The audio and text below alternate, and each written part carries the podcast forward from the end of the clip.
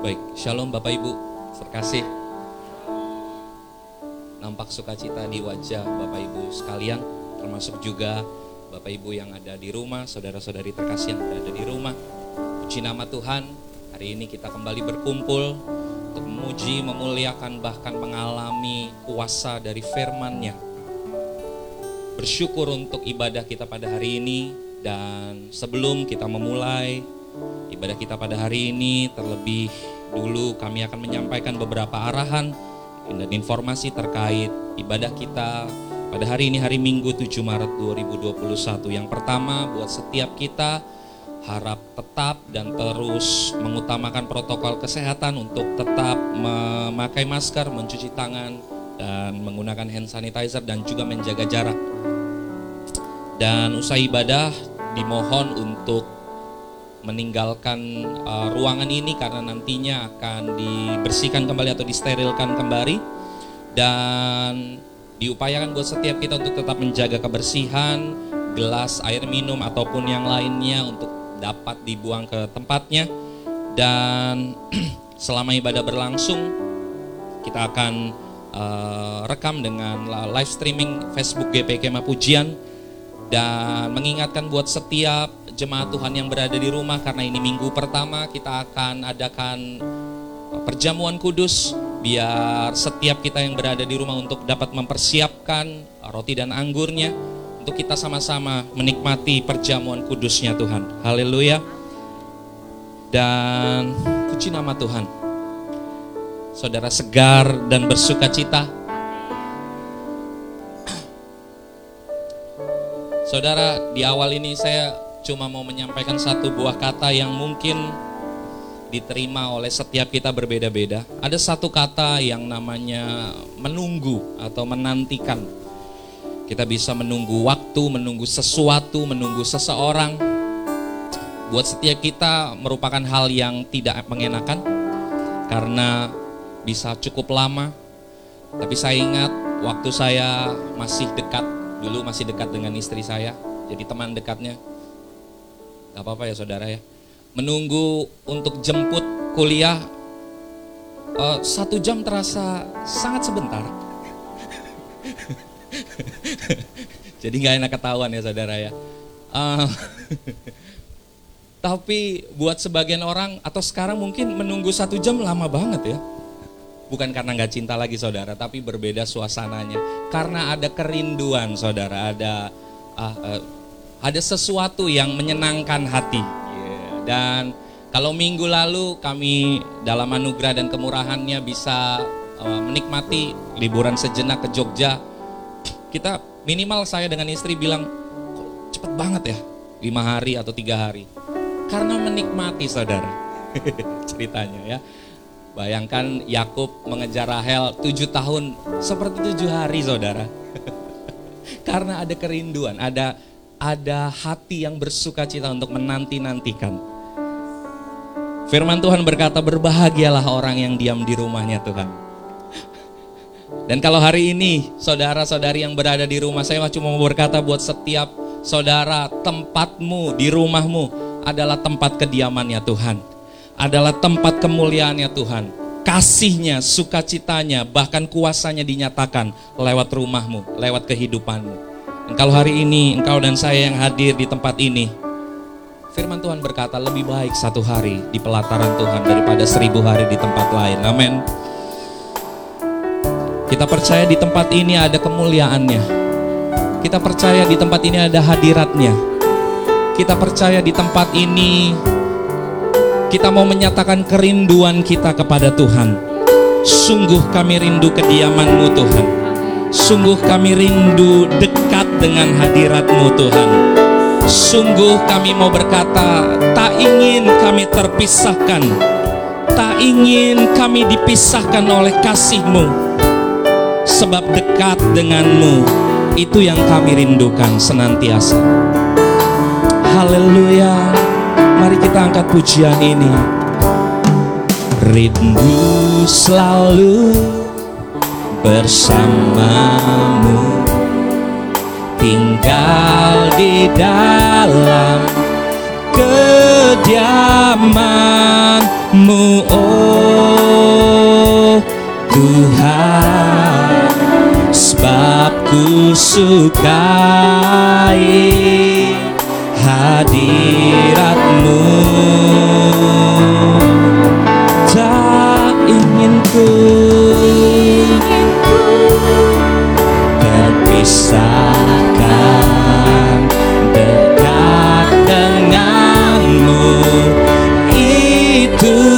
Yang ku rindukan Sebab ku dapati kedamaian. Mari bangkit berdiri Aku nikmati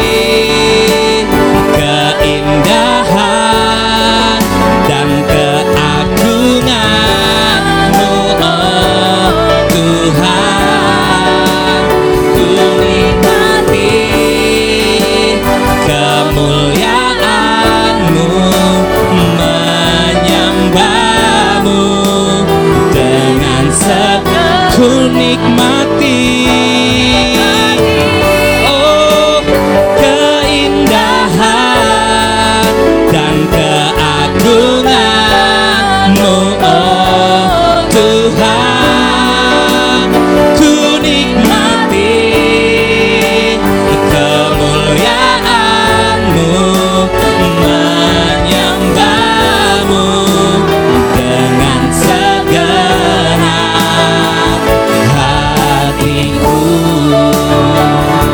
rindukan engkau hadir Tuhan. Kami rindukan engkau Allah memenuhi tempat ini. Sukacita damai sejahtera penghiburan pertolongan itu yang menguatkan setiap kami. Haleluya haleluya. Katakan kembali pujian ini rindu kami kepadamu. Rindu selalu bersamamu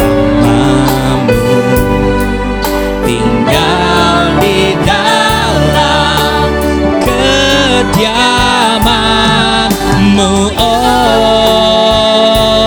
Tuhan sebab ku sukai hadiratmu. Oh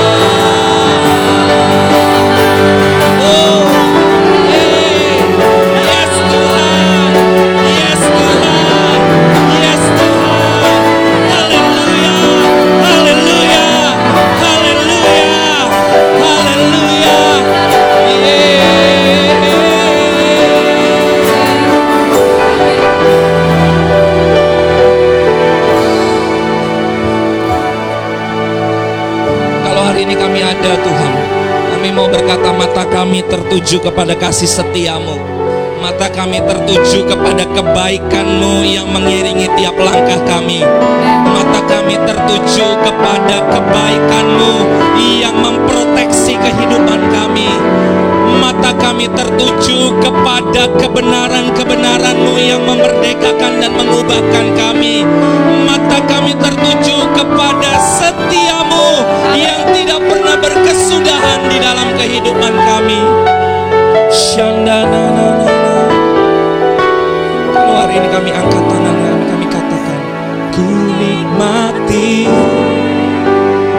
keindahan dan keagunganmu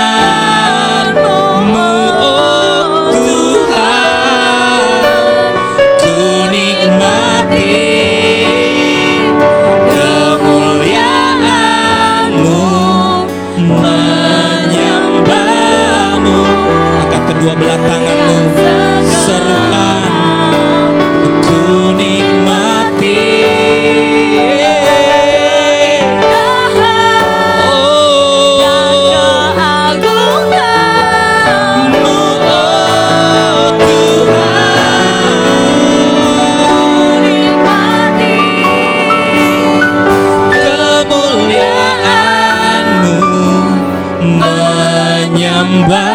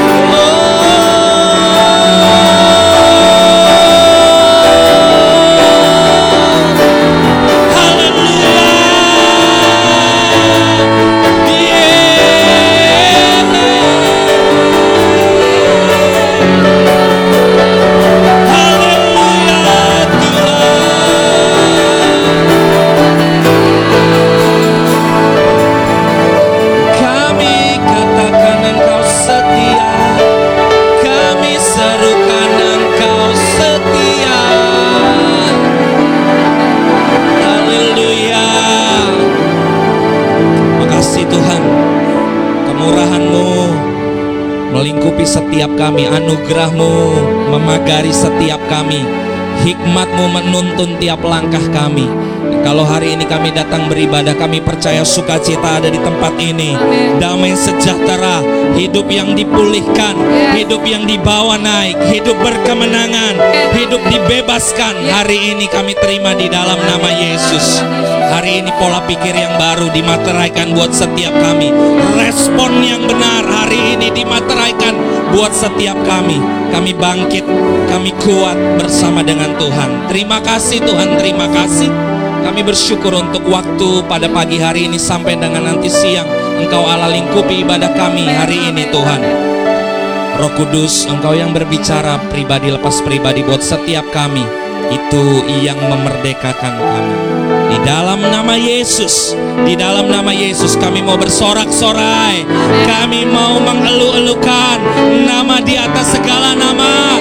Yesus Tuhan namanya yang berkuasa dulu, sekarang, sampai selama-lamanya.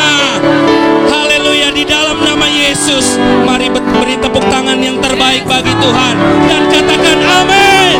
Amin. Amin. Haleluya. Haleluya.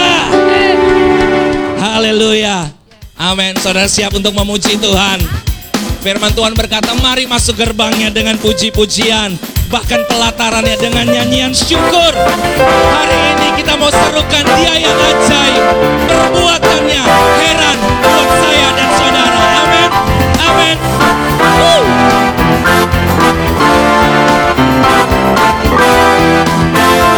Katakan, Yesus Tuhanku ajaib. Heran perbuatannya Tiada yang mustahil bagi dia Yesus Katakan kembali. Yesus. Yesus Tuhanku ajaib ajaib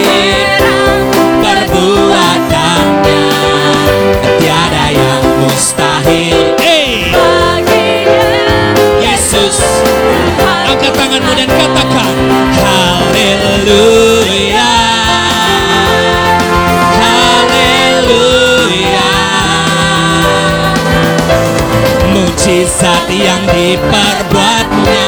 Sungguh ajaib. Haleluya.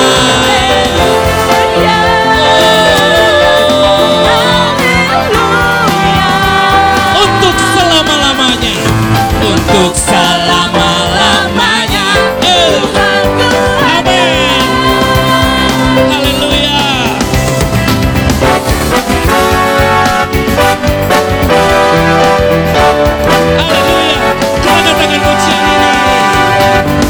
Yesus Tuhanku ajaib. Yesus Tuhanku ajaib. Amin Tiada yang mustahil. Amin Lagi katakan Yesus Tuhan. Tuhanku ajaib. Perbuatan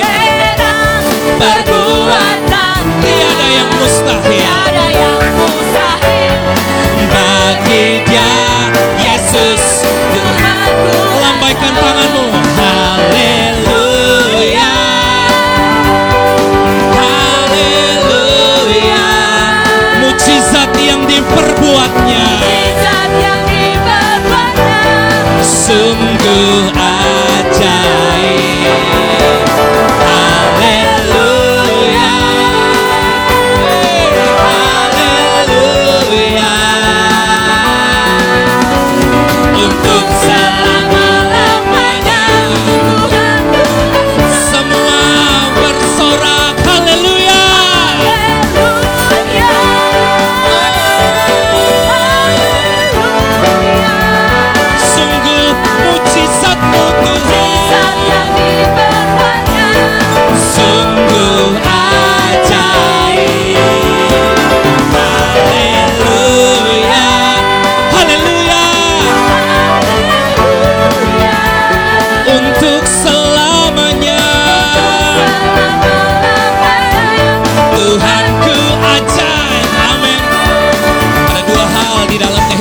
kita.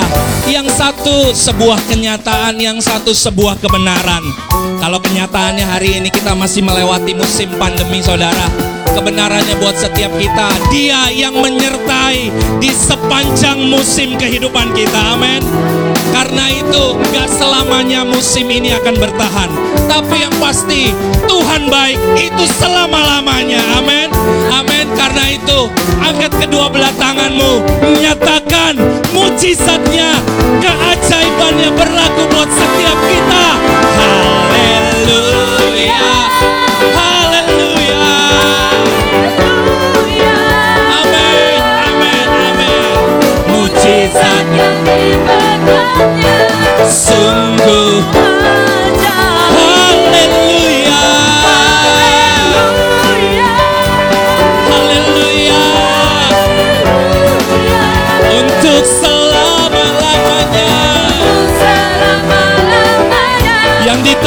ini Bahkan yang di rumah Angkat suaramu.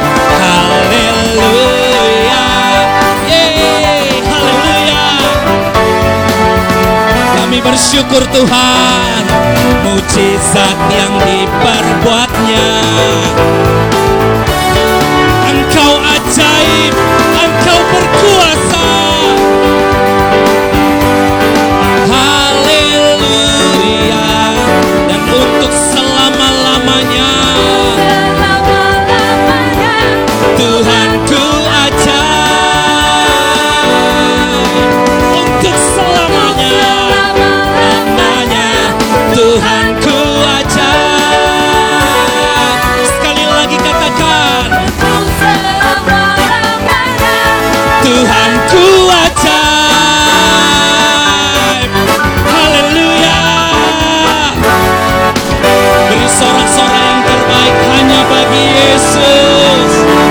hanya bagi Yesus.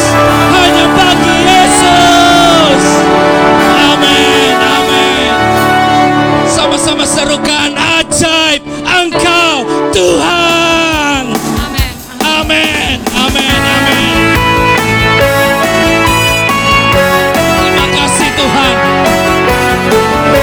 Engkau berkuasa. Gak terbanding kuasamu Tuhan.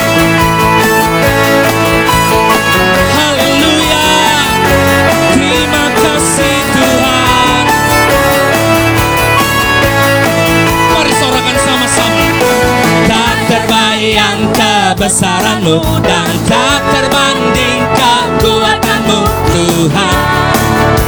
Kau megah bagiku, amin.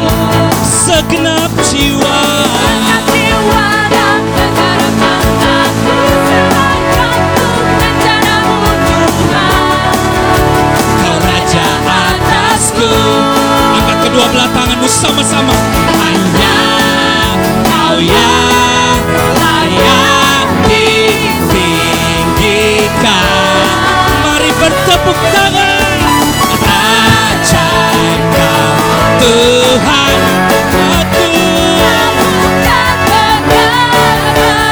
Sumber kemenanganku layak berkuasa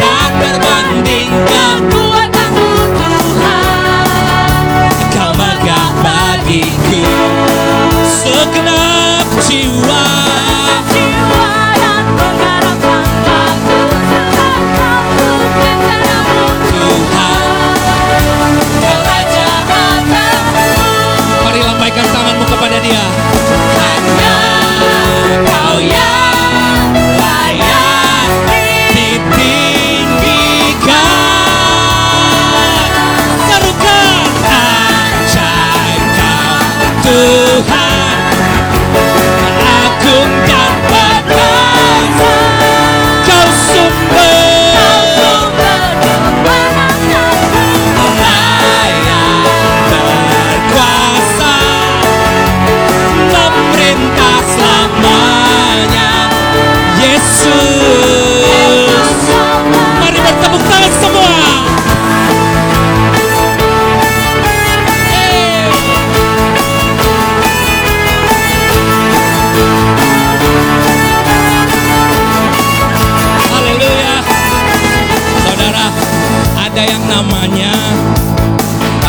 saya mudik tuh ada yang namanya jalur alternatif. Kita juga tahu ada namanya pengobatan alternatif, saudara. Istilahnya yang lain, sampingan. Tapi hari ini firman Tuhan berkata, dialah jalan kebenaran dan hidup. Amin. Dia bukan jalan alternatif buat saudara. Amin. Hari ini kalau kita berkata ajaib engkau Tuhan Biar hari ini bukan hanya seruan Dia ajaib buat masa depan saudara Dia ajaib buat kehidupan kita Apa pun bidang kehidupanmu Dia ajaib buat engkau yang bersekolah Amin. Dia ajaib untuk pekerjaan kita Dia ajaib buat segala kehidupan kita Amin. Karena itu kalau kita angkat tangan kita Bagimu hormat Bagimu pujian Engkau yang layak ditinggikan. Hanya Kau yang layak Lagi serukan dia. Hanya Kau yang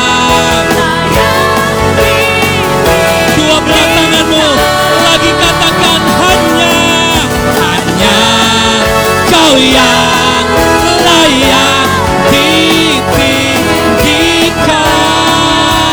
Serukan. Ajaib kau Tuhan. Agung dan Engkau sumber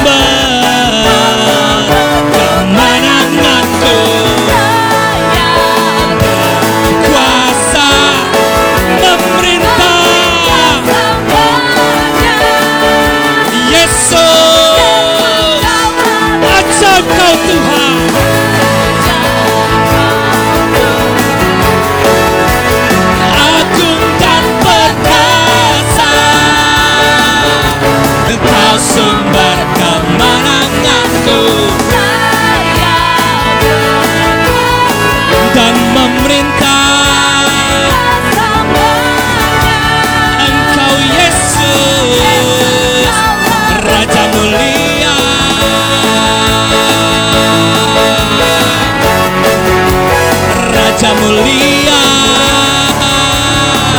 Serukan sama-sama Raja mulia. Haleluya. Beri sorak-sorai Beri pengagungan Beri hormat Beri pujian Bagi Yesus Bagi Yesus Tuhan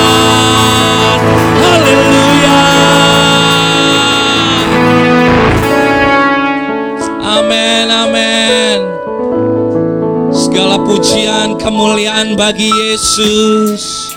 Haleluya. Wow, wow, wow. Amin. Dalam hadirat Tuhan silakan duduk saudara.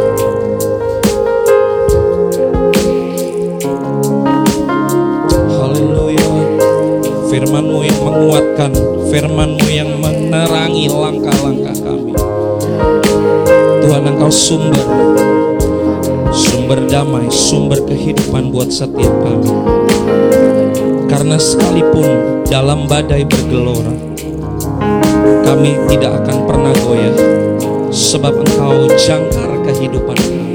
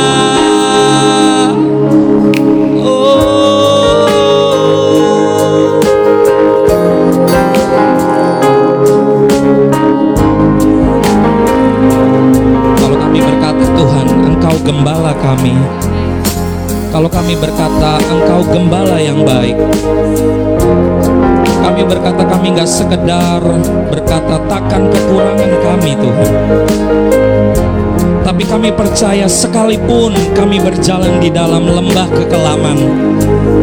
Kami tahu Engkau yang beserta kami. Kami tahu kami tidak takut bahaya Sebab gadamu, tongkatmu, penyediaanmu Itu yang menghibur setiap kami. Dan di ujung kehidupan kami Kami tahu Engkau membaringkan kami ke padang rumput yang hijau. Terima kasih untuk kasih setiamu. Kami menjalani kehidupan ini karena percaya. Kami percaya sepasti mentari bersinar. Itu janji yang akan kami terima bersama dengan engkau dan di dalam segala sesuatunya engkau bekerja mendatangkan kebaikan. Menerangi langkahku sumber. Kami aman di dalammu Tuhan. Di sebab penyertaanmu bangkit berdiri. Katakan pujian ini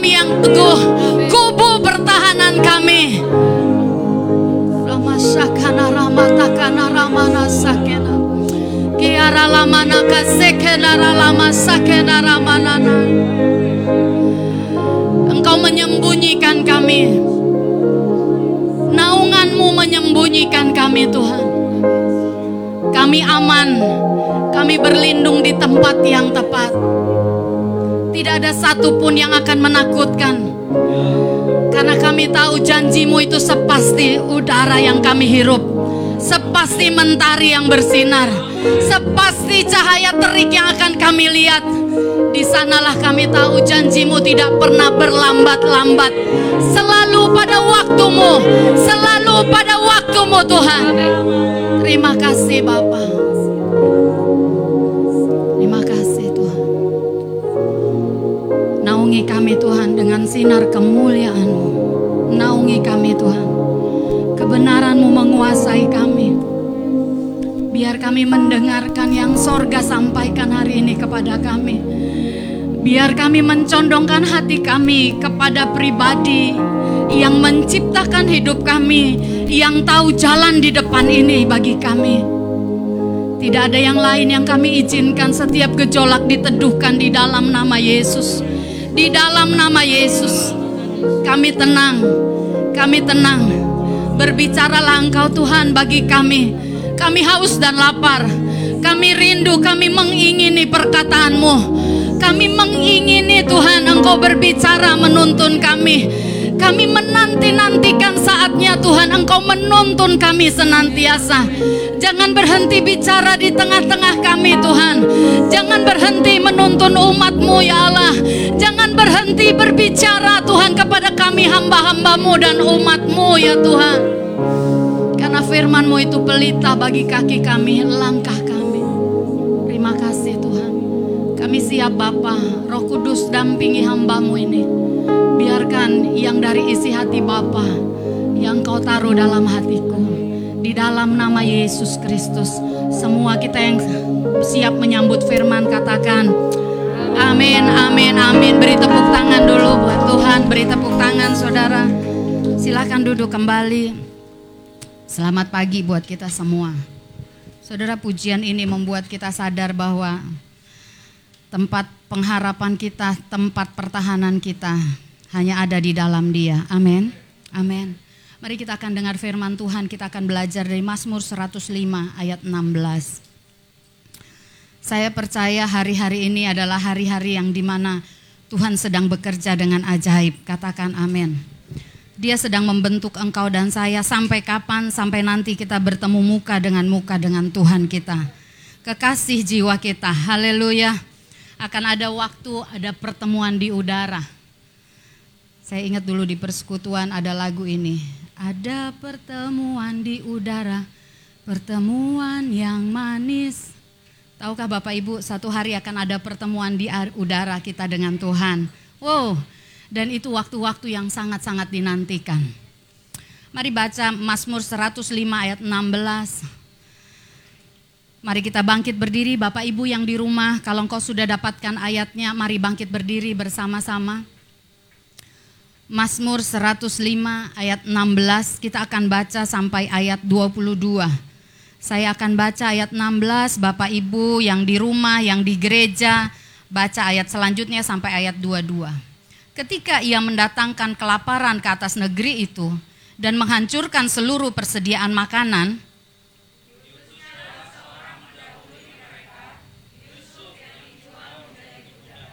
mereka mengimpit kakinya dengan belenggu, lehernya masuk ke dalam besi.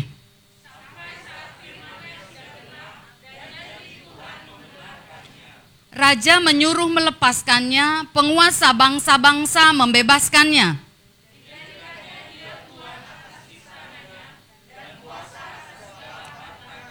Ayat 22 sama-sama ya. Untuk memberikan petunjuk kepada para pembesarnya sekehendak hatinya dan mengajarkan hikmat kepada para tua-tuanya. Terima kasih, silahkan duduk kembali. Bapak Ibu, ini firman yang disampaikan ketika Daud menulis puji-pujian atas segala perbuatan Allah di masa lampau. Dan ada satu pribadi yang menjadi uh, sorotan, ada satu tokoh yang disorot di ayat 16 sampai 22 yaitu yang namanya Yusuf. Yusuf yang dicatat di ayat 22, 21, 22. Yusuf yang diutus Tuhan itu akhirnya dijadikan tuan. Dia memberikan petunjuk kepada para pembesarnya sekehendak hatinya. Dia jadi penguasa. Banyak orang ketika bicara tentang hikmat Yusuf selalu hanya bicara mengelola. Gimana caranya mengelola keuangan? Ketika orang bicara tentang Yusuf, bicara tentang karyawan yang dari bawahan diangkat jadi atasan. Bicara tentang Yusuf selalu bicara masa kelimpahan. Ketika orang susah, dia punya kesanggupan untuk menukar. Betul, cerita itu mencatat ketika Mesir mengalami kelaparan. Mereka aman karena ada seorang Yusuf yang mempunyai persediaan. Dia yang mendapat hikmat Tuhan Fir'aun bermimpi dan Yusuf yang mendapat pengertian. Tetapi kita lupa bahwa ada satu keadaan, ada satu kondisi, ada satu ruang perjalanan yang harus dilewati Yusuf sampai nanti dia bisa memerintah atas istananya. Hikmat Yusuf itu diperoleh dari cara pengutusan Tuhan. Banyak orang pengen jadi Yusuf, karyawan-karyawan doa Tuhan beri aku hikmat Yusuf. Anda harus belajar hari ini. Hikmat Yusuf itu harus melalui proses yang sampai hari ini saya akan bilang saudara kepada engkau dan saya. Tema hari ini berkata ruang tunggu. Ada ruang tunggu untuk Yusuf. Dia berada di persembunyian dengan Tuhan. Sampai nanti dia muncul dipromosikan Tuhan. Hidup kita ini saudara perlu waktu seperti kepompong. Disembunyikan. Dan waktu disembunyikan itu situasi yang tidak aman dan nyaman buat daging kita. Tetapi rohmu sedang diperlengkapi Tuhan. Masa persembunyian banyak orang gak suka. Masa persembunyian engkau gak dipromosi. Engkau ingin eksis, Tuhan bilang tahan nak. Engkau ingin tampil, Tuhan gak suruh engkau maju, gak ada panggung buatmu. Coba perhatikan ayat 16. Saya percaya saudara, setiap saudara dan saya, kita orang strategis untuk perubahan di tengah-tengah muka bumi ini. Katakan amin. Saya bicara di tengah-tengah yud kemarin. Jangan pandang janji Tuhan itu hanya untuk dirimu. Janji Tuhan itu harusnya berdampak bagi sekelilingmu. Yusuf janji Tuhannya adalah tunggul tunggul ayahnya dan saudara-saudaranya menghormati dia. Yusuf pikir dia hanya akan menerima dihormati. Tapi Tuhan mau Yusuf memelihara hidup suatu bangsa. Tahukah engkau janji Tuhan atas hidupmu dan hidupku itu bukan hanya untuk kepentinganmu. Saya mau berkata kalau janji Tuhan engkau akan diangkat tinggi, diberkati. Bukan untuk mengangkat harkat martabat keluargamu. Tapi saya bilang begini, terlalu kecil kalau engkau mau jadi itu. Banyak orang lahir di keluarga yang susah, mengalami penghinaan. Akhirnya ketika janji Tuhan datang, belum sembuh lukanya. Dia hanya mengimani janji Tuhan itu sebatas menghapus aibnya. Tapi hari ini kita akan belajar. Janji Tuhan buat kita adalah berdampak kita nggak ngomong kepentingan kita, kita ngomong kepentingan Bapak buat muka bumi ini. Katakan amin. Katakan amin. Kalau janji Tuhan untuk pasangan hidup, nantikan pasangan hidup yang membuat engkau berdampak. Haleluya. Amin. Coba lihat ayat 16. Ketika ia mendatangkan kelaparan ke atas negeri itu dan menghancurkan seluruh persediaan makanan ketika Tuhan yang mendatangkan kelaparan, menghancurkan seluruh persediaan makanan, ada masa kesusahan. Tapi di ayat 17 dicatat, diutusnyalah seorang mendahului mereka. Mari baca sama-sama dua, ya. Yusuf yang dijual menjadi budak. Cara pertama hikmat Yusuf didapat adalah waktu dia bersedia dijual jadi budak. Saudara tahu dijual jadi budak, dibeli, enggak punya hak.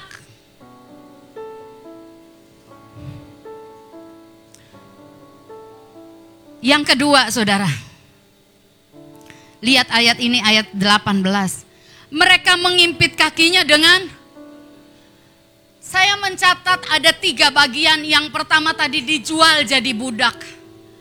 Yusuf direnggut dari hari-hari kebahagiaannya. Dia jadi anak kesayangan bapaknya loh hari itu.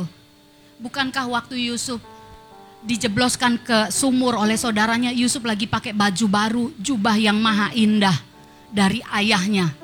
Lagi disayang-sayangnya oleh Yakub. Tiba-tiba, katakan tiba-tiba. Anda harus tahu, ketika janji Tuhan diberikan kepadamu, tiba-tiba bisa datang keadaannya berputar balik, jauh kenyataan dari janji Tuhan.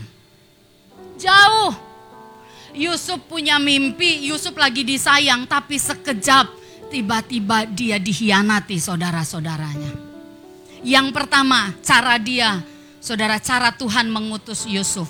Anda percaya Anda diutus Tuhan di muka bumi ini? Katakan amin. Katakan amin. Ketika bangsa ini mengalami kelaparan, ketika pandemi datang, ketika orang kehilangan pekerjaan, ketika banyak orang membutuhkan keuangan, jangan mimpi engkau akan jadi Yusuf kalau engkau enggak menang dari tiga ini. Yang pertama bersedia dijual jadi budak.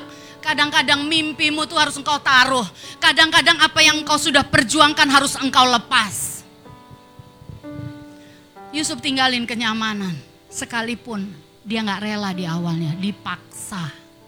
Makanya saya berkata, kesusahan itu bagus buat engkau dan saya. Katakan amin. Anak yang lahir di keluarga yang manja, tidak pernah dididik, gak pernah ujungnya dia akan bagus masa depannya.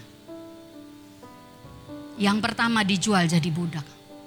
Dijual jadi budak tuh dibeli. Budak itu nggak boleh makan sebelum tuannya makan. Kadang-kadang kepikir nggak saudara harus melayani sementara engkau sendiri terbatas. Engkau sedang menjadi budak untuk kebenaran, dijual jadi budak. Yang kedua dikatakan mereka mengimpit kakinya dengan belenggu. Langkahnya terbatas. Yusuf nggak mau-maunya, katakan nggak mau-maunya. Anda tahu ketika engkau punya kesanggupan, kadang-kadang kau perlu minta Tuhan belenggu kakimu. Ini bicara langkah perjalananmu bicara pilihan-pilihan hidupmu. Langkahnya Yusuf dibatasi, katakan dibatasi.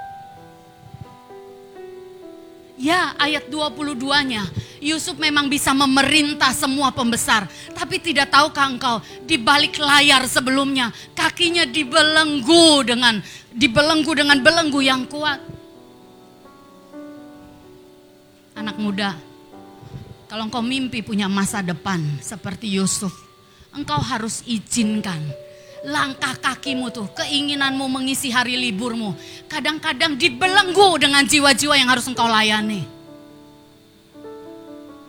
Dunia nggak ajarkan itu.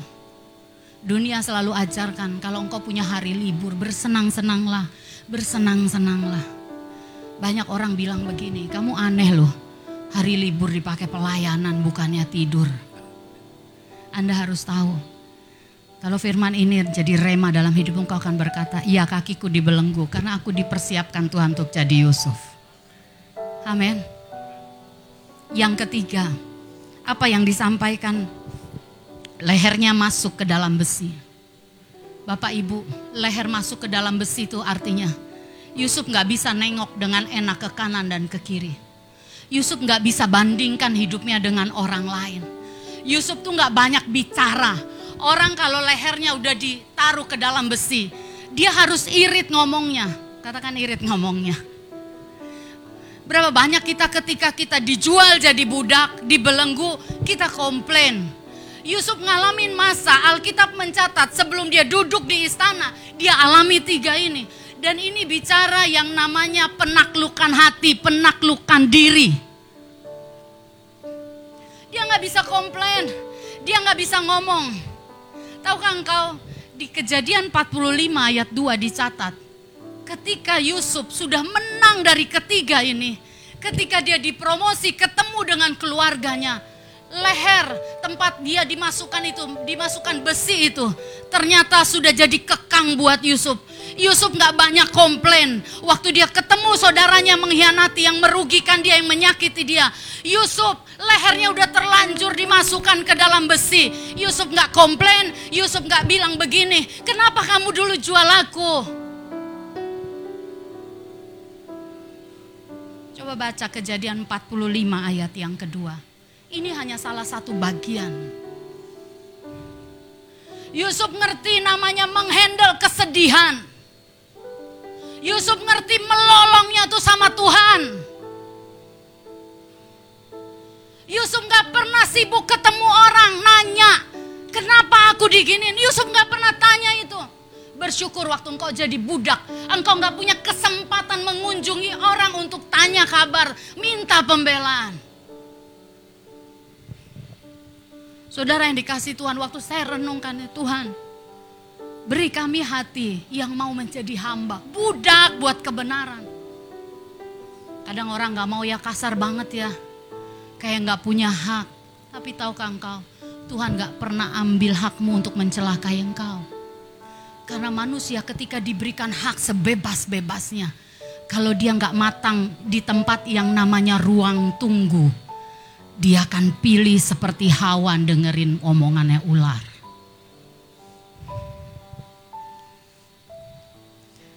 Kejadian 45. Salah seorang baca buat kita.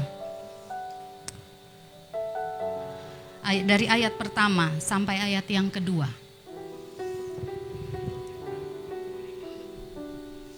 Ayat yang pertama sampai yang kedua. Ketika itu Yusuf tidak dapat menahan hatinya lagi di depan semua orang yang berdiri di dekatnya. Lalu berserulah ia, suruhlah keluar semua orang-orang, semua orang dari sini. Saudara tahu apa yang dirasa Yusuf waktu dia lihat wajah Ruben, Simeon, Yehuda. Mereka yang bersiasat menjatuhkan dia dalam sumur. Hatinya berdegup-degup. Saudara pernah nggak ketemu orang yang Anda pernah punya kenangan yang luka sama orang itu? Waktu Anda ketemu di awal itu pasti ada gejolak. Tapi lihat leher yang dimasukkan ke dalam besi, kaki yang dibelenggu, perjalanan yang dijual jadi budak, membuat Yusuf terbiasa menahan perkataannya. Terbiasa, katakan terbiasa. Kalau engkau selalu merasa punya hak untuk komplain, belum ada besi di lehermu. Waktu dia lihat, lihat ketika itu Yusuf tidak dapat menahan hatinya lagi. Di hatinya bukan hanya kerinduan.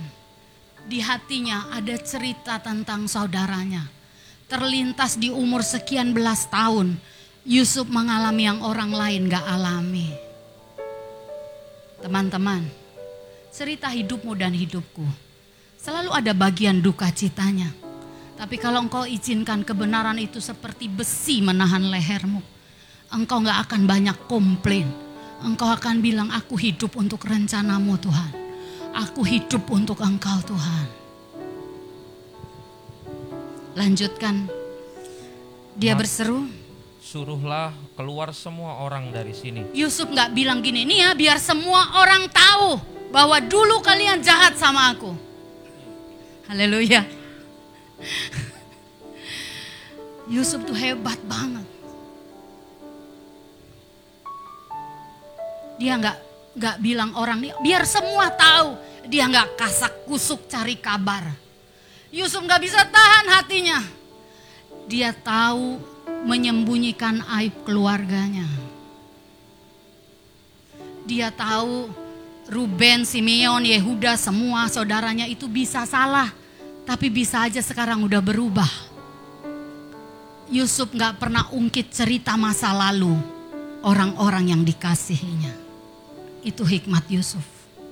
Kalau engkau masih suka korek yang lalu, engkau belum dibelenggu lehernya. Haleluya. Amin. Dia nggak tahan.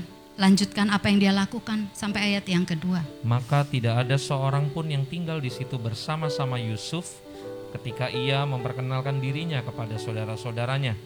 Setelah itu menangislah ia keras-keras sehingga kedengaran kepada orang Mesir dan kepada seisi istana Firaun. Yusuf tahu tempat menangisnya. Haleluya. Yusuf tahu kapan dia melolong sama Tuhannya. Saudara, kenapa dia jadi penguasa? Karena Yusuf seorang yang pernah disakiti dan sembuh. Katakan amin. Waktu Tuhan menggenapi rencananya atas hidupmu dan hidupku dia mau bejana tanah liat ini siap.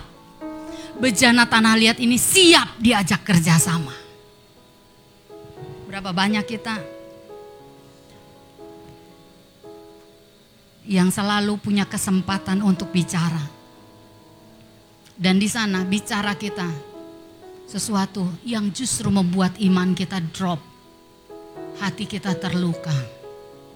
Ruang tunggu, saudara, ruang tunggu waktu Yusuf disembunyikan dengan semua peristiwa ini. Tiga kejadian ini. Jadi budak, dibelenggu, lehernya masuk ke dalam besi. Yusuf sedang masuk ke yang namanya tempat persembunyian dengan Tuhan. Seperti kepompong disembunyikan, disembunyikan, disembunyikan. Yusuf ada di ruang tunggu, di ruang tunggu dan dia belajar mempercayai Tuhan yang dia sembah di ruang tunggu. Dia nggak cuma nanya, "Tuhan kapan?" katanya aku akan diangkat. Yusuf memberi respon yang baik di ruang tunggu. Berapa banyak kita nggak tahan di ruang tunggu. Kita selalu pikir kita udah ketinggalan sama orang. Kita selalu pikir kita harusnya lebih cepat lagi ketika engkau mendapat undangan temanmu menikah, kadang kau berpikir engkau udah ketinggalan. Ketika orang pindah rumah baru, engkau ngerasa engkau tertinggal. Padahal engkau lupa, Tuhan tahu mengatur waktu dan saat. Tuhan tahu mengatur waktu dan saat. Ketika orang dipromosi pekerjaannya, engkau akan berkata, aku kerja sekian lama hanya begini-begini aja. Engkau lupa itu ruang tunggumu. Yusuf nangis keras-keras. Yusuf melolong. Yusuf nggak mau orang tahu bahwa saudaranya ini dulu jahat sama dia. Kenapa? Yusuf nggak mau orang bersikap salah kepada keluarganya. Seorang yang akan dibawa naik tinggi, memberi perintah kepada pembesarnya sekehendak hatinya, itu harus orang yang udah sembuh, pulih,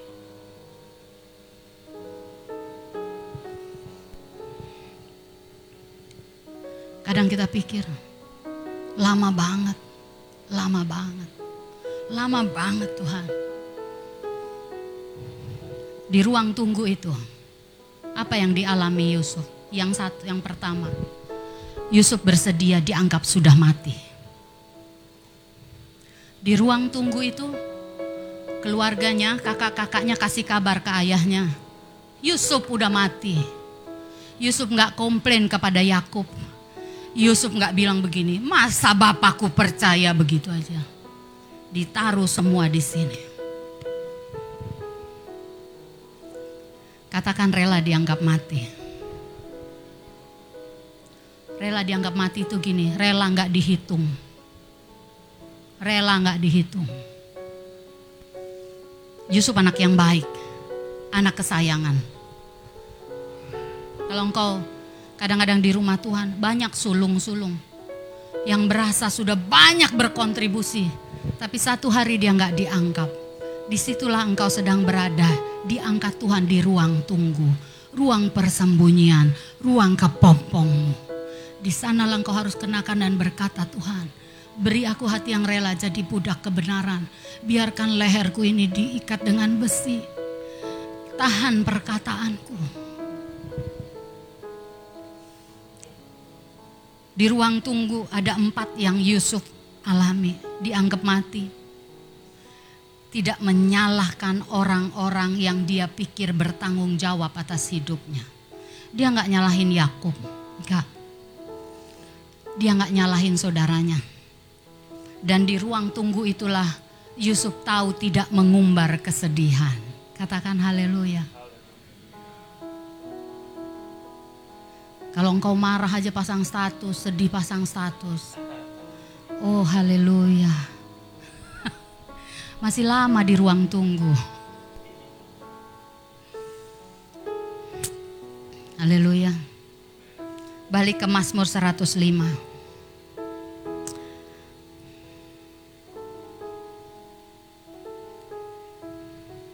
Firman ini muncul waktu saya renungkan Tuhan Kenapa janjimu engkau akan kasih hikmat Yusuf rasanya tertunda? Kalau engkau ajak diskusi roh kudus dia akan bicara kepadamu. Orang tua-orang tua mungkin kau mendoakan anakmu kenapa ya belum? Masih ada proses ruang tunggu yang harusnya saudara dan saya lewati. Amin. Lihat ayat 19. Sampai saat firmannya genap sampai saat firmannya genap. Saudara, di ruang tunggu tipuan terbesarnya adalah waktu kita lihat nggak ada terjadi apa-apa. Di ruang tunggu tipuan terbesarnya adalah kita merasa Tuhan udah ninggalin kita. Di ruang tunggu tipuan terbesarnya waktu engkau sesak, waktu engkau nggak lihat awan sebesar kelingking itu. Tipuannya adalah engkau merasa Tuhan pilih kasih. Engkau merasa Tuhan beda memperlakukanmu. Kalau engkau sudah pegang tiket pesawat, engkau menunggu di ruang tunggu. Yang paling penting kau pastikan kau punya tiket. Bukankah engkau punya janji Allah yang pribadi bagimu? Kalau pesawatnya belum datang, kenapa risau hatimu? Katakan haleluya. Amin. Kita pikir kita udah men ditinggal. Kita lihat orang naik gaji. Saudara, saya ingat ketika dulu kami naik motor, doa malam naik motor. Saya mau bilang saudara, bawa Samuel. Udah biasa. Tapi banyak orang hari-hari ini, kalau bawa anaknya naik motor, kayaknya kurang dikenan Tuhan. Saya mau kasih tahu, hidup ini nih ada perjalanan kita sama Tuhan. Anda nggak usah mengukur dirimu itu dengan semua yang materi ini karena Tuhan sangat tahu memberi yang terbaik bagimu dan bagiku. Saya ingat dulu ya saudara, pulang doa malam sekarang udah cepet ya. Dulu kalau pulang doa malam jam 1. Kadang-kadang saudara hujan rintik-rintik. Samuel harus tetap kami bawa duduk di tengah setengah dua pagi. Saya bukan orang yang bilang gak peduli, tapi saya tahu ini perjalananku sama Tuhan. Aku sedang menunggu yang dari Tuhan. Dan waktu aku menunggu, Tuhan tahu memberikan yang aku butuhkan saat menunggu. Di waktu menunggu, waktu engkau pikir Tuhan gak bekerja, dia sedang bekerja. Dia sedang melatih engkau, dia sedang memberi engkau kesabaran. Kesabaran itu akan menghantarkan engkau keluar jadi pemenang. Saya bawa. Ketika hamil, harus naik motor, bukan naik motor bagus. Jemaat tahu Anda yang bersama-sama. Mogok. Makanya kadang-kadang saudara, kalau saya lihat orang cerita, Aduh Tuhan ampuni aku. Kadang aku suka bilang, aduh lu pikir gue langsung duduk enak.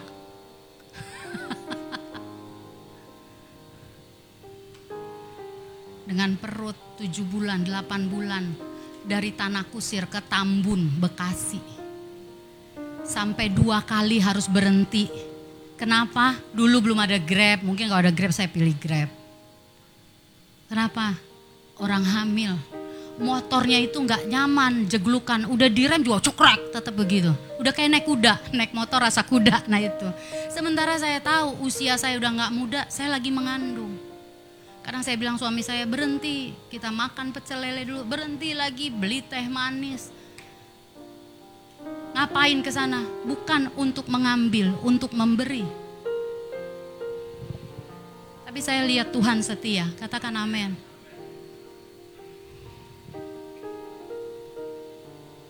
Kadang-kadang ada orang bilang begini. Sekali-sekali nggak apa-apa lah cerita duka cita biar mereka tahu. Saya mau kasih tahu. Tanpa sadar ketika engkau sedang berduka engkau cerita, engkau mengharap penghiburan manusia. Waktu engkau rasa duka, susah, Yang paling pertama engkau harus buat, bersembunyi dengan Tuhan. Melolonglah dengan dia. Sampai engkau bisa temukan aman dalam Tuhan. Aman, aman. Bapak Ibu yang di rumah, engkau pun harus melalui itu. Kita nggak mungkin, saudara, tidak melalui ruang tunggu. Di situlah proses pembentukanmu dan pembentukanku. Katakan amin.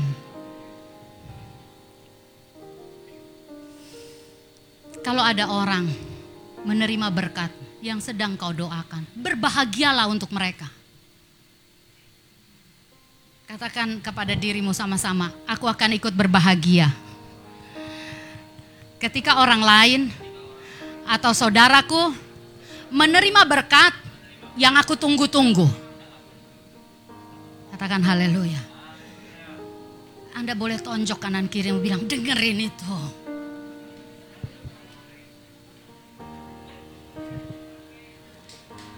Kemurahan Tuhan saudara, anugerah Tuhan. Kami nggak jadi kecil hati kok kalau doain rumah orang masuk rumah baru. Betul.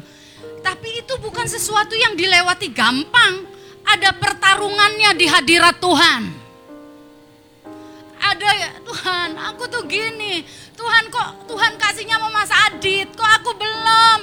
Dia udah dua kali pindah, aku ya pindah juga. Waktu saya bilang, kok dia pindah lagi Tuhan, kemarin udah tak doain, sekarang doain. Roh Kudus bilang, lah kan kamu juga udah pindah dua kali. Oh iya juga ya, tapi masih ngontrak kan masalahnya cuma pindah. Teman-teman tahu nggak kadang-kadang kita ya mau komplain sama Tuhan tuh bahasanya halus ya. Padahal ngomongnya dikit Tuhan tahu jauh ya. Kalau ada orang yang mendapat berkat yang kau ingini, yang kau nantikan berpuluh tahun, berbahagialah untuk mereka. Berbahagialah untuk mereka. Berbahagialah untuk mereka. Ingat ada alasan mengapa engkau butuh waktu yang lama. Ada alasan. Jangan kecil hati saudara. Jangan kecil hati. Jangan kecil hati. Teman-teman yang masih lajang. Kalau ada dapat undangan menikah. Datanglah dengan sukacita. Beri yang terbaik. Benar. Beri yang terbaik. Kalau ada orang dapat rumah baru, kalau bisa, kalau bisa. Bukti engkau sedang, ini kan kita sedang deklarasi itu bukan cuma perkataan tapi perbuatan, betul nggak? Kalau engkau deklarasi aku nggak apa, nggak apa-apa, tapi engkau, ah gue nggak mau datang daripada sedih, oh, itu berarti kenapa-napa.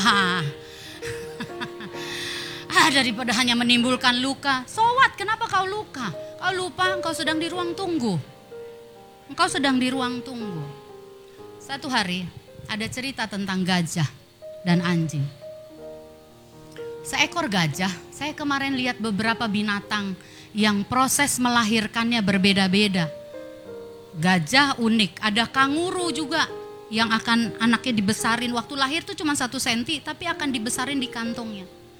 Gajah ini, Bapak Ibu yang dikasih Tuhan, itu dia bisa mengandung kurang lebih itu dua tahun. Masa mengandungnya dua tahun. Dan kalau melahirkan gajah kecil itu, dia hanya bisa satu gajah. Jarang, sangat jarang ditemukan gajah langsung melahirkan dua sang induk. Satu, mengandungnya dua tahun, oke? Gajah yang gede bawa dua tahun. Beda sekali dengan dogi, saudara. Anjing kita. Anjing itu mengandungnya kurang lebih dua bulan. 60 hari sekian dan setelah dia melahir, dia bisa kali melahirkan berapa yang punya anjing? Karya berapa? Kalau lahir? lima delapan ya kan? Makanya orang banyak kalau udah anjingnya melahirkan tuh dia jadi murah hati dibagi-bagi karena kerepotan ngurusnya. Dibagi kan? Karena sekali melahirkan lima Kemudian dua bulan lagi anjing ini katanya boleh hamil lagi biasanya. Dan lahir lagi. Satu hari sang gajah didatangi oleh anjing. Anjingnya bilang, ah kayaknya kamu bukannya hamil deh. Benar hamil? Iya, aku lagi hamil. Ini cerita. Terus Besoknya si anjing udah melahirkan lima. Eh melahirkan beranak ya, kok melahirkan ya? Lima, dia datengin lagi gajah. Mana kamu? Aku udah lima, kamu kok belum? Beneran aku lagi ngandung. Ah emang badanmu yang gede, bukannya hamil. Mana ada isinya anak di situ? Dia bilang iya aku lagi hamil. Anjing terus ngegonggong, bohong, bohong. Beberapa lama kemudian anjing ini udah datang dengan 20 anaknya. Kenapa bisa 20? Karena kalau dua kali melahirkan, kalau 8 16 ya kan. Kalau tiga kali melahirkan udah 20 lah ya. Dia datang dengan rombongan dogi-dogi yang manis. Wah, wah, wah datang. Gajah sendiri. Kebayang kalau dia jeda dua bulan, dua bulan tambah enam, dua setengah bulan. Jadi setahun setengah itu udah tiga kali melahirkan anjing. Gajah belum, masih ngandung. Dan ketika tiba waktunya anak gajah keluar dari perut sang induk. Anda tahu yang keluar berapa? Satu. Nunggunya berapa lama? Yang dapat Anda tahu. Kalau engkau nunggu sekian lama, jadi kepompongnya sekian lama, ada alasan untuk engkau dan saya berada di sana lebih lama. Engkau bukan ditakdirkan untuk melahirkan hal-hal yang kecil. Engkau tidak ditakdirkan mengalami perkara-perkara yang kecil. Anda mungkin akan bilang begini Anda yang menanti keturunan. Ah yang lain bisa kenapa aku harus nanti lama? Saya mau kasih tahu. Hana harus menunggu sekian lama karena yang dilahirkannya harus melantik raja-raja Israel. Karena urusannya bukan sekedar Hana dihapus aibnya. Urusannya satu bangsa akan uh, saudara uh, memilih imam menjadi pengganti imam Eli di sana. Hari ini apakah engkau sedang berada di ruang tunggu? Mungkin kau berkata, aku udah lakukan yang baik. Aku udah berdoa, kok nggak terjadi apa-apa. Di ruang tunggu engkau menunggu sesuatu tidak ada perubahan. Kalau belum ada yang berubah, sering kali Tuhan merubah engkau dan saya lewat situasi. Dia merubah engkau dan saya terlebih dahulu. Dia nggak rubah situasinya, yang dia rubah engkau dan saya. Katakan amin. Satu hari, kalau ada orang yang bilang, mana, mana? Saya lihat orang gusar waktu terima undangan Siapa aja lah katanya. Apalagi kadang-kadang dia persempit hanya satu syaratnya. Yang penting anak Tuhan, nggak tahu anak Tuhan jadi-jadian atau beneran. Oh anak Tuhan, yang penting KTP-nya Kristen, belum lahir baru, nggak apa-apa. Nanti kan bisa dibimbing Bang Obet. Kan kita ada Pak Sutri, nggak masalah. Barang KW nggak popo, ntar dipoles-poles kan kayak asli. Haleluya. Haleluya. Kadang kita gitu ya. Waktu Anda menantikan rumah, apa yang kau bayangkan? Ada orang gini, ya udah deh. Saya punya teman. Dia minta ke orang tuanya, dia minta ke siapa demi dia mendapatkan itu. Atau kau berkata, Tuhan, seperti Pak Gembala suka bilang, Tuhan tahu yang sanggup bayar sama yang gak sanggup. Katakan haleluya. Makanya jangan sombong kalau datang sama Tuhan tuh bisa ngomong Tuhan aku nggak sanggup Tuhan Tuhan aku nggak sanggup kata Tuhan lo emang siapa bilang kau sanggup orang napas saja kau nggak sanggup kalau aku nggak kasih kata Tuhan katakan haleluya di ruang tunggu itulah di mana engkau mempertaruhkan kepercayaanmu kepada Tuhan engkau belajar percaya sama Tuhan engkau dilatih untuk memaafkan Katakan dilatih untuk memaafkan. Jangan buru-buru mau keluar dari ruang tunggu. Bilang kanan kirinya, jangan buru-buru. Jangan buru-buru. Jangan buru-buru. Sampai saatnya genap. Sampai saatnya genap. Amin. Mazmur 105, mari kita kembali tadi Mazmur 105. Haleluya. Amin. Sarah ketika dia mendapat janji Tuhan, Abraham akan punya anak. Sarah coba menggenapi janji Tuhan. Dia memberi Hagar sama Abraham. Yang ada apa saudara? Melahirkan konflik sampai hari ini.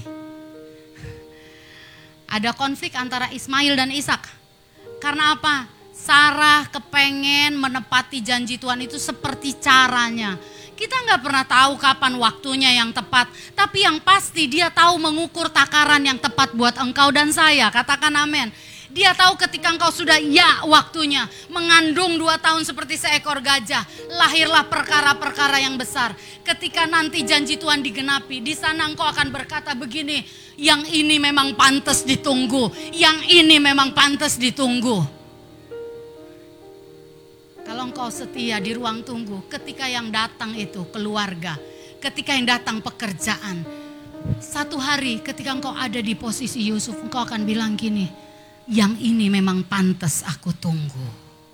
Pantas aku tunggu. Pertanyaannya, apa yang sedang kau tunggu? Lihat Mazmur 105 kita akan selesaikan. Haleluya. Katakan amin, amin, amin. Ayat 19 dia berkata, sampai saat firmannya sudah genap dan janji Tuhan membenarkannya. Amin. Amin. Kalau orang lain meragukan engkau, lewatin aja ingat aja cerita gajah. Aku memang dilahirkan untuk peristiwa perkara-perkara yang besar.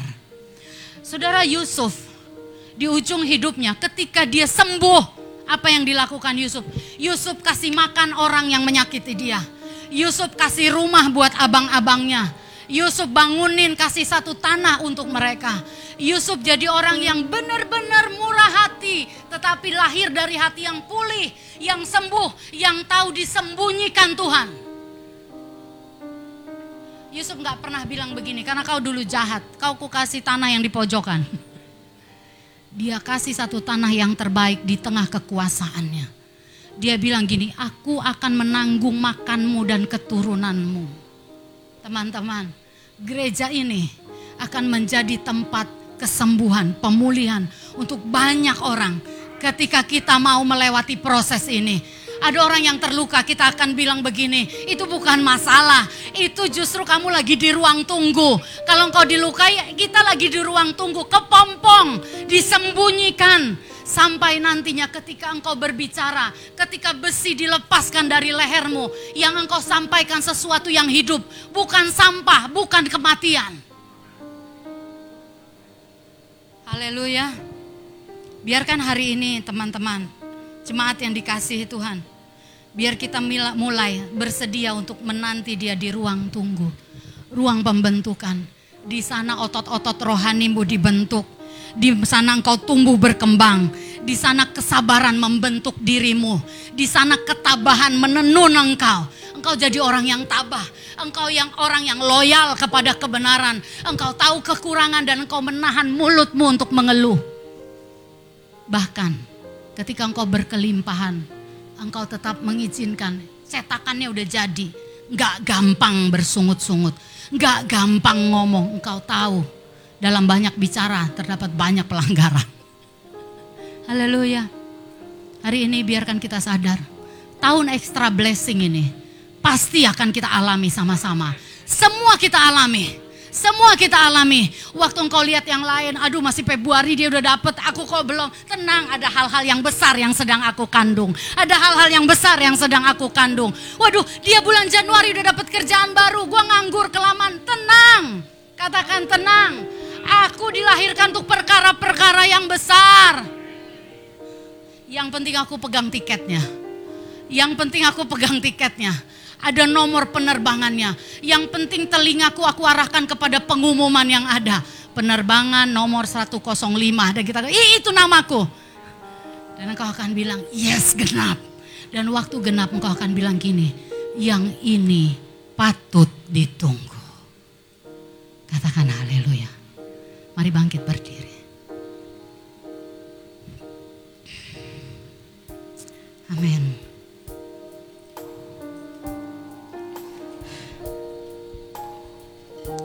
Ah, haleluya. Jangan mengabaikan ruang tunggu. Haleluya.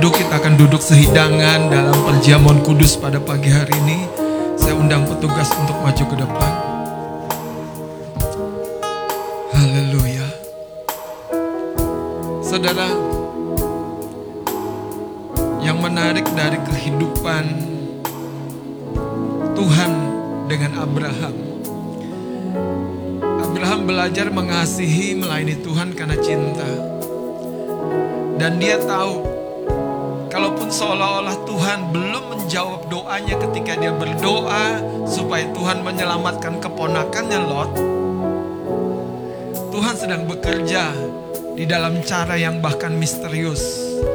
Tapi percaya dia, percaya dia. Amin. Kalaupun Bapak Ibu Saudara menantikan sesuatu, percayai dia. Mari kita berdoa. Tuhan hambamu berdoa, biar sementara ketika tangan anak-anakmu menerima tubuh dan darah perjanjianmu, Engkau yang akan membawa kehidupanmu, memulihkan kehidupan kami. Engkau yang akan membawa kelepasan, kesembuhan dalam hati kami. Engkau akan membawa satu pengekangan diri dalam kehidupan kami. Sehingga buah kehidupan kami bukan buah yang berasal dari kedagingan. Tapi biar firman Allah genap dalam hidup setiap kami. Tuhan berkati para pelayanmu, hamba-hambamu yang akan mengantarkan seluruh tubuh dan darah ini. Setiap kami akan menerima dalam anugerahmu. Dalam nama Yesus silakan bagikan. Katakan dengan setengah suara.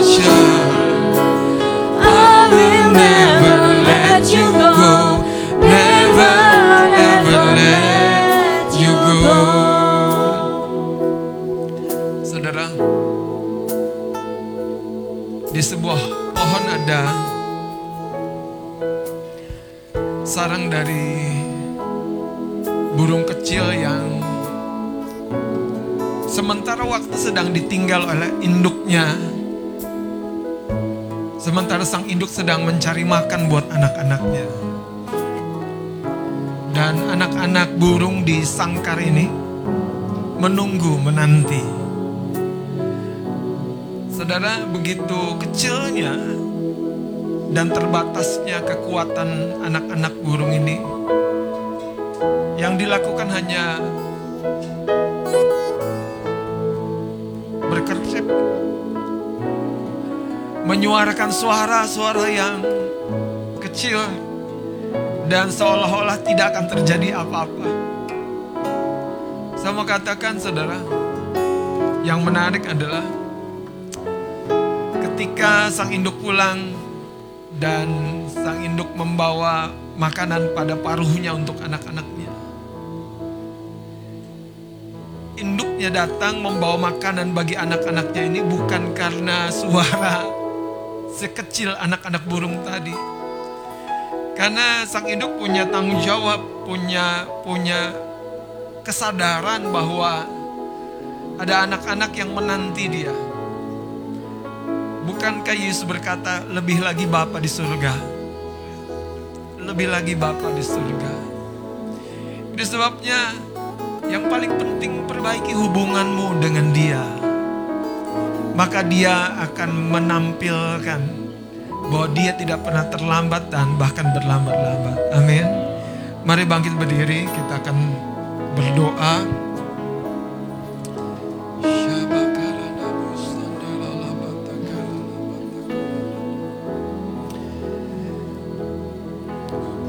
Mari perhatikan dan lihat ada sebuah pesan di tubuh Kristus di tangan kita masing-masing. Ada satu ayat yang kiranya menguatkan engkau untuk terus berjalan bersama dengan Tuhan. Ayat di tangan saya, carilah Tuhan dan kekuatannya, carilah wajahnya selalu. Mari kita berdoa, Tuhan terima kasih. Pagi hari ini kami diingatkan ada masa tunggu, masa jeda, ada sela, ada pause yang sering kali bertujuan untuk menyempurnakan kehidupan kami. Beri kami kesanggupan untuk menyerah dan percaya. Dan biar sementara itu engkau bergerak, engkau mengalir, engkau dengan cara yang ajaib mengerjakan hal-hal yang misterius. Satu hal ajari kami percaya. Mari angkat tubuh Kristus di tangan kanan kita tinggi. Dan dengarkan firman sementara nanti kita akan makan bersama-sama. Pada malam terakhir sebelum Yesus diserahkan, ia duduk sehidangan dengan murid-muridnya dan mengambil roti. Kemudian dia memecah-mecahkannya dan berkata, Inilah tubuhku yang diserahkan bagi kamu.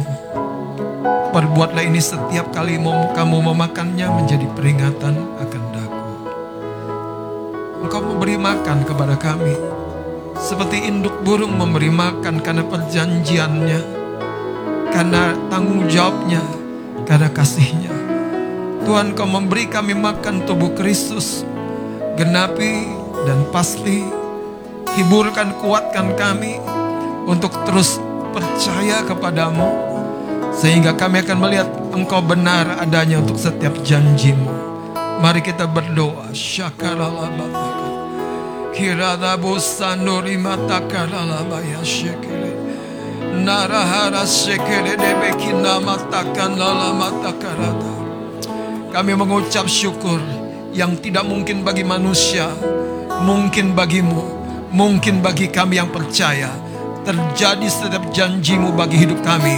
Di dalam nama Yesus, mari makan bersama-sama. Di dalam nama Yesus.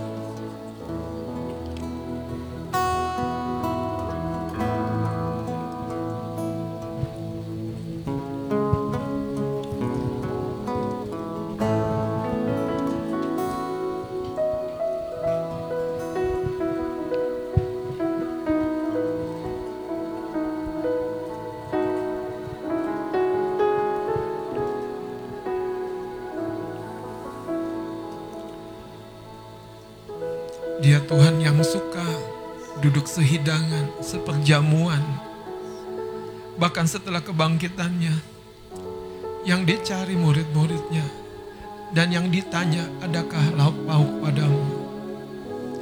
Dia menyatakan kedekatannya, dia menyatakan keintimannya. Saya berdoa pagi hari ini, bukan karena kehebatanmu, bukan karena kerja kerasmu. Ya engkau perlu hidup dengan tough, tangguh. Engkau perlu hidup dengan sungguh-sungguh. Engkau perlu hidup dengan perjuangan. Tapi di dalamnya ada anugerah yang selalu tersedia. Terimalah anugerah itu.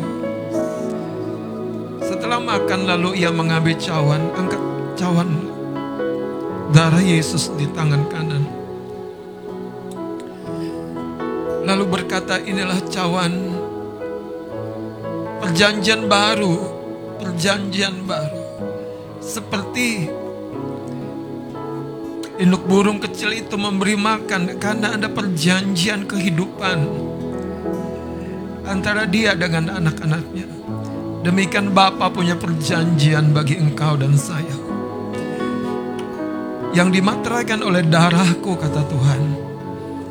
Mari kita berdoa. Tuhan terima kasih. Manifestasikan kehadiranmu dalam kehidupan anak-anakmu di tempat ini dan di rumah mereka masing-masing. Sementara aku berdoa, berterbanganlah malaikat-malaikat di surga. Ya Bapa, utuslah mereka ke rumah anak-anakmu. Utuslah mereka merangkai hal-hal yang tidak sanggup oleh tangan anak-anakmu dikerjakan. Sehingga kami melihat semuanya terjadi karena keajaibanmu saja. Kami mengucap syukur untuk kesetiaanmu. Kami mau minum perjanjianmu oleh darah Yesus. Di dalam nama Yesus, mari minum bersama.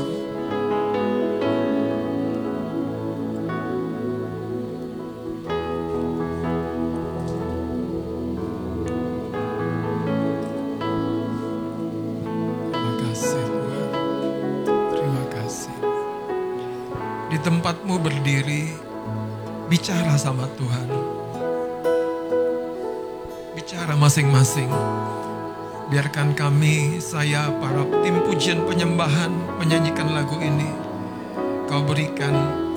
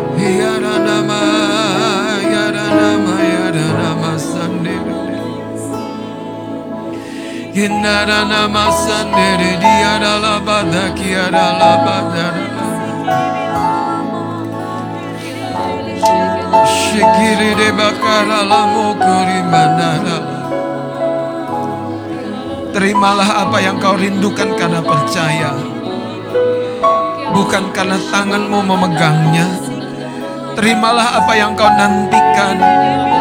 Karena percaya.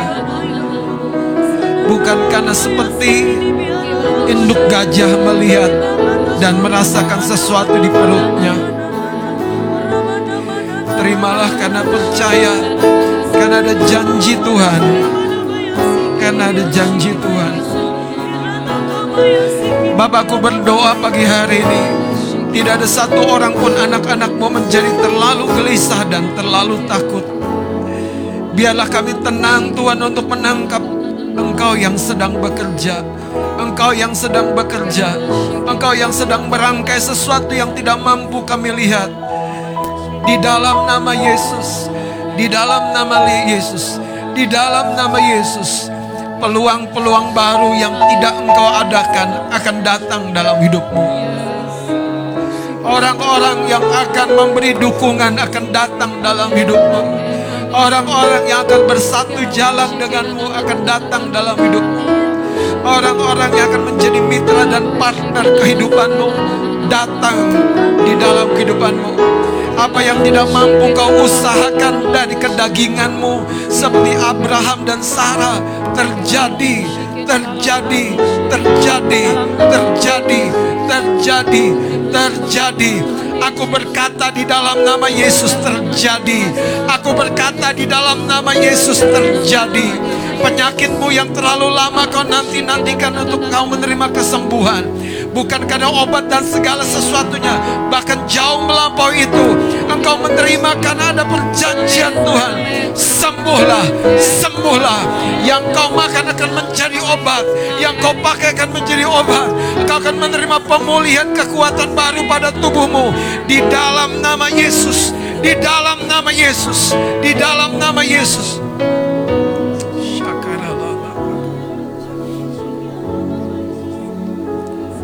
Siapa pun engkau Bapak Ibu Saudara yang di rumah Engkau menanti-nantikan sesuatu yang rasanya terlalu jauh. Hari ini percayai Tuhan. Percayai Tuhan. Ada satu pencobaan yang berat Namun sebetulnya Semua berbalik lagi bagaimana kita mengendalikan diri kita ketika bangsa Israel berjalan dan tidak ada air. Mereka bertengkar dengan Musa dan mencobai Tuhan. Mereka berkata, "Di mana Tuhan? Di mana Tuhan?" Sayangnya, hati mereka yang sudah kering, hati mereka hanya tertuju kepada perkara-perkara lahirnya. Mereka tidak punya lagi jam doa yang cukup dalam. Mereka tidak punya lagi penyembahan di mana lawatan Tuhan terjadi. Hari ini, biarlah kita sembuh. Biarlah kita pulih. Biarlah kita sembuh dan pulih. Kehidupan rohanimu dibanjiri dengan kesegaran yang baru dari hadirat Tuhan. Sehingga engkau tahu bahwa dia ada dan dekat. Dia ada dan dekat. Dia ada dan dekat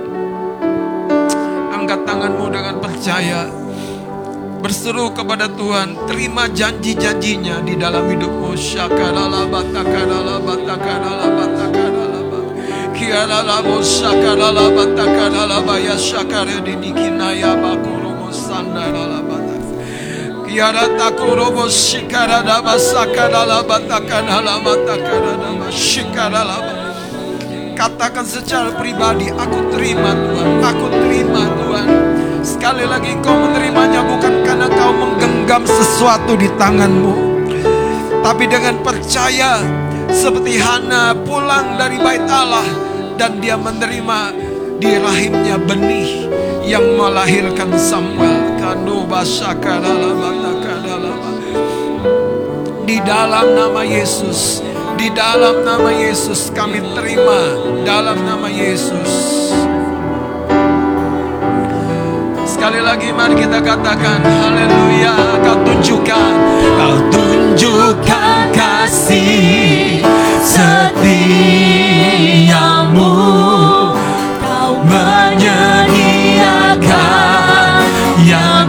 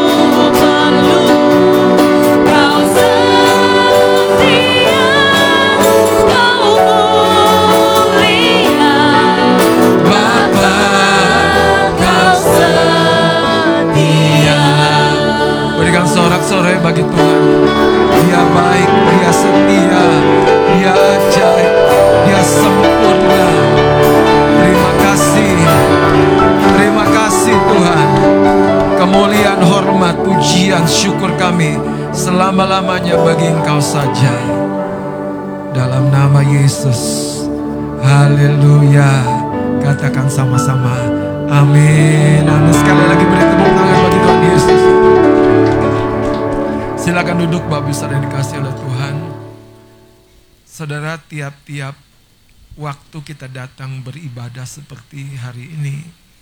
Mari percayai dia Tuhan yang menantikan kita untuk menunjukkan kebaikannya, kemurahannya, kasih sayangnya. Saya mau cerita dikit aja saudara. Waktu kemarin mau baptisan, rencana awal kan mau di kolam renang Rempoa. Kolam renang yang sudah dua kali, kalau tidak salah kita pakai baptisan. Akhirnya pilihan terakhir di kolamnya Al. Saudara, kalau Anda hayati, semua tuh jadi indah, jadi manis, jadi baik. Masalahnya terlalu sering orang mengabaikan hal-hal kecil. Mereka menganggap itu sana karena kemampuannya, karena kebisaannya. Kalau saya berkata, kalau ada kolam al, kita bisa baptisan, itu Tuhan. Amin, itu Tuhan. Saudara ini yang saya mau ajarkan. Waktu kita mengakui itu, Tuhan tuh menjadi nyata. Masalahnya hati kita ini tidak tertuju kepada hal yang lahiriah, tapi tertuju kepada sesuatu yang dibalik itu. Nah, saya berdoa, saudara, sederhana, saudara, akui banyak hal yang sebetulnya memang datang dari kemurahannya, dari kebaikannya, dari anugerahnya. Amin. Coba kasih tahu kanan kirinya, engkau ada itu di kanan kiriku karena kemurahan dan kebaikan Tuhan. Amin. Tuhan memberkati.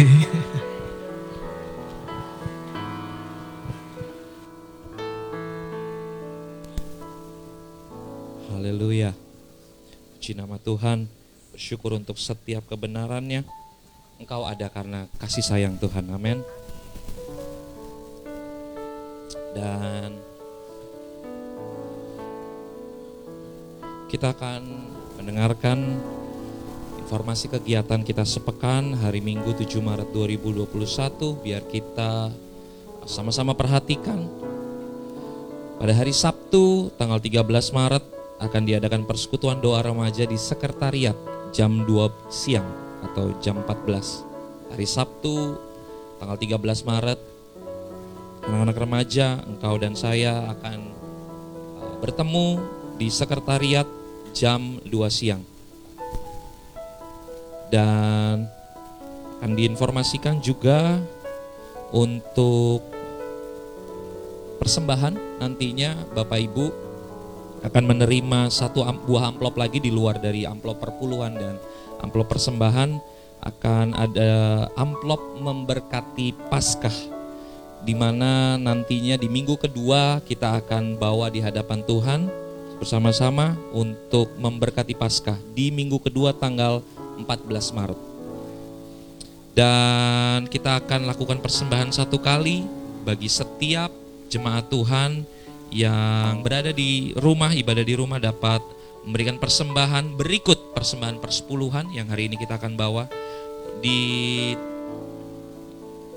dititip ke sekretariat atau dapat ditransfer ke rekening bendahara. Dan untuk selanjutnya akan diada, akan ada pengarahan persembahan persepuluhan dan berikut juga doa persembahan oleh Bapak Gembala. Kami persilakan.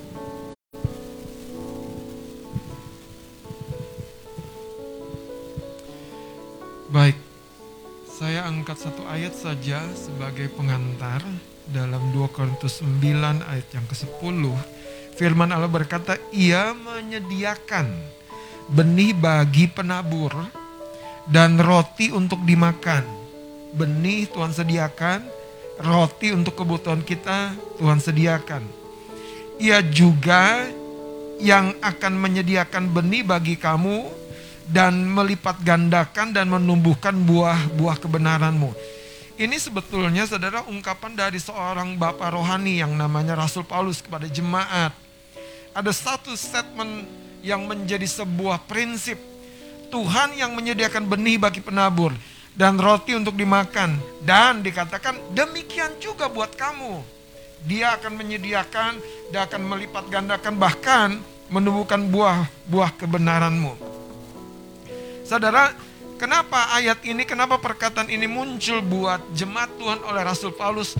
Supaya mereka tidak melakukan sebatas aktivitas lahiriah, memberi, menabur, mempersembahkan. Tapi mereka melakukan karena mereka percaya kepada firman, percaya kepada Tuhan. Amin. Mari kita berdoa. Tuhan aku berdoa biar benih yang ada di tangan anak-anakmu yang adalah datang daripadamu, engkau yang memberkati. Engkau yang melipat gandakan sehingga buah-buah yang dihasilkan dari benih ini akan mendatangkan kembali ucapan syukur yang memuliakan namamu Tuhan.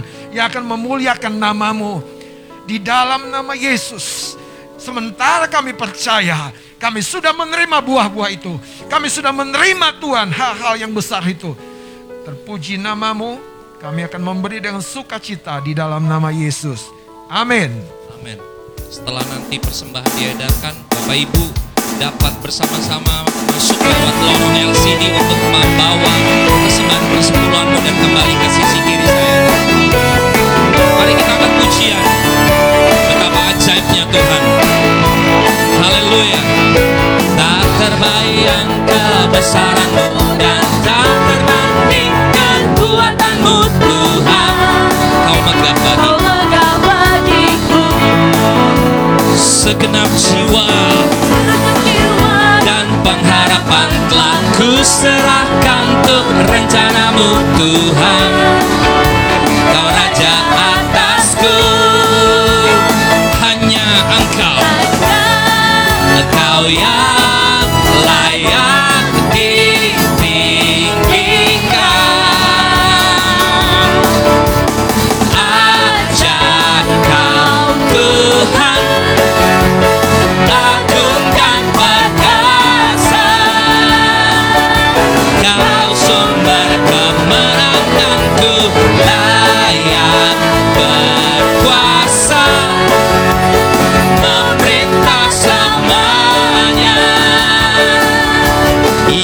Yesus kaulah Raja mulia.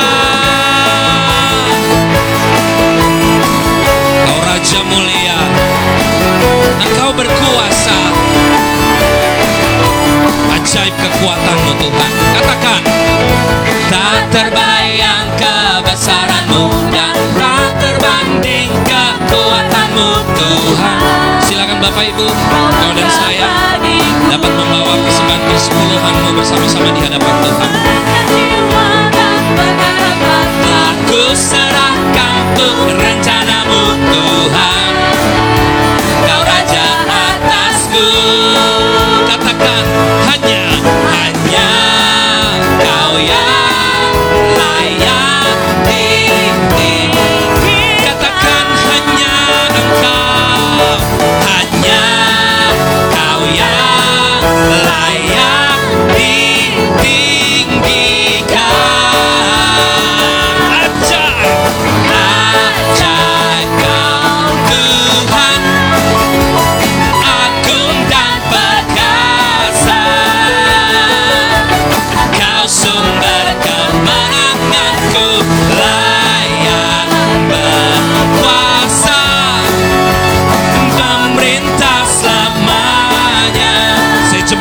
semua bangkit berdiri.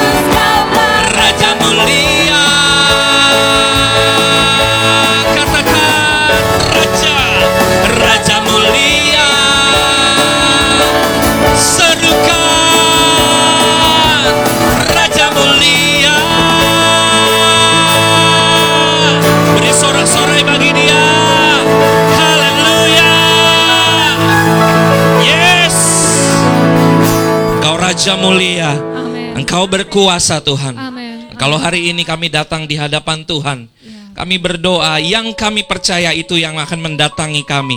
Engkau ajaib. Engkau ajaib dalam pemandangan kami. Engkau ajaib.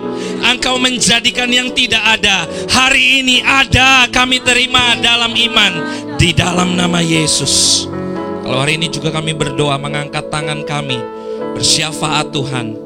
Kami berdoa Tuhan untuk proses vaksinasi yang telah berjalan dan sedang berjalan. Kami berdoa di tiap-tiap penjuru Indonesia. Engkau Allah nyatakan Tuhan hikmat tuntunanmu buat orang-orang yang ada di lapangan bekerja dengan segiat mungkin, bekerja sama dengan segiat mungkin untuk menyelesaikan program ini di seluruh Indonesia. Tuhan, kesanggupan yang darimu Tuhan memampukan pemerintah untuk bekerja dengan maksimal, bekerja dengan segiat-giatnya untuk membuat masyarakat semuanya Tuhan mendapatkan vaksin yang terbaik yang dari Tuhan dan semuanya Tuhan menjadikan kami sadar untuk tetap mentaati protokol yang ada, untuk tetap merindukan adanya proteksi yang dari ilahi terjadi buat bangsa Indonesia di dalam nama Yesus.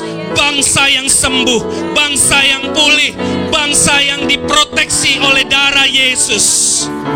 Terima kasih Tuhan, terima kasih. Dan kami juga berdoa terkhusus Tuhan buat dua tempat, kebon jeruk dan tanah kusir seperti mimpimu yang Tuhan nyatakan buat Bapak Gembala. Tuntunanmu dinyatakan Tuhan. Agar dua tempat ini bersinergi. Tua, dua tempat ini saling terkait satu dengan yang lainnya. Tuhan kami nyatakan dua tempat ini menyatakan kemuliaan Tuhan. Dua tempat ini menyatakan kehadiran Tuhan. Hari ini kami berdoa ada perlindungan Tuhan. Kuasa bahkan kemuliaan dan kedahsyatan Tuhan dinyatakan di dalam nama Yesus di dalam nama Yesus, di dalam nama Yesus. Secara khusus kami berdoa Tuhan, hadirmu Tuhan buat Bapak Ibu Gembala kami. Proteksi yang dari sorga, pemeliharaanmu sempurna, mimpi-mimpi jadi kenyataan, hikmat pengertian Tuhan tambahkan, rencana Tuhan yang ajaib dan besar, itu dinyatakan, perkataan-perkataanmu Tuhan, itu yang terjadi dalam kehidupan mereka. Hari ini Tuhan, otoritas, kewibawaan, urapan Tuhan bekerja menaungi kehidupan mereka semua di dalam nama Yesus. Dan itu yang kami rindukan juga terjadi buat jemaatmu melalui kehidupan mereka. Terima kasih Tuhan, terima kasih. Sepanjang minggu ini, sepanjang waktu-waktu ke depan, yang kami ingat adalah keajaiban demi keajaiban Tuhan saja. Dan kalau hari ini kami terima berkatmu, biar kami responi kami responi dengan benar dan di dalamnya ada tindakan yang ajaib yang dari Tuhan bekerja atas kehidupan setiap kami. Di dalam nama Yesus di dalam nama Yesus. Dan kita akan terima berkat yang dari Tuhan. Umat yang percaya bukan karena melihat, tapi karena engkau dengar dan mengaminkan firman. Hiduplah dengan berkelimpahan, hiduplah dengan berkemenangan, hiduplah dengan membawa mandat besar seperti Yusuf. Engkau akan melahirkan perkara-perkara dahsyat. Engkau akan berdampak bagi komunitasmu. Apa yang kau nantikan dari Tuhan, engkau akan terima. Mari angkat kedua tanganmu. Kiranya kasih dan kemurahan Allah yang jauh melampaui pikiranmu. Damai sejahteranya turun. Meneduhkan. Membuat engkau kokoh di dalam dia. Perlindungannya senantiasa di segala musim. Menyertaimu. Dan biarlah cinta kasih Tuhan Yesus. Kasih sayangnya yang membuat engkau selalu jatuh cinta dan mengasihi dia dan selalu melayani dia dengan hati hamba dan kiranya pengurapan dan hikmat dari Roh Kudus turun menyertai engkau berlimpah-limpah. Mulai hari ini sampai selama-lamanya Maranatha dia datang pada kali yang kedua menjemput kita yang percaya di awan-awan. Di dalam nama Yesus Kristus. Dan semua kita yang diberkati dan percaya katakan sama-sama amin amin amin. Tuhan Tuhan memberkati. Yesus memberkati. Selamat hari Minggu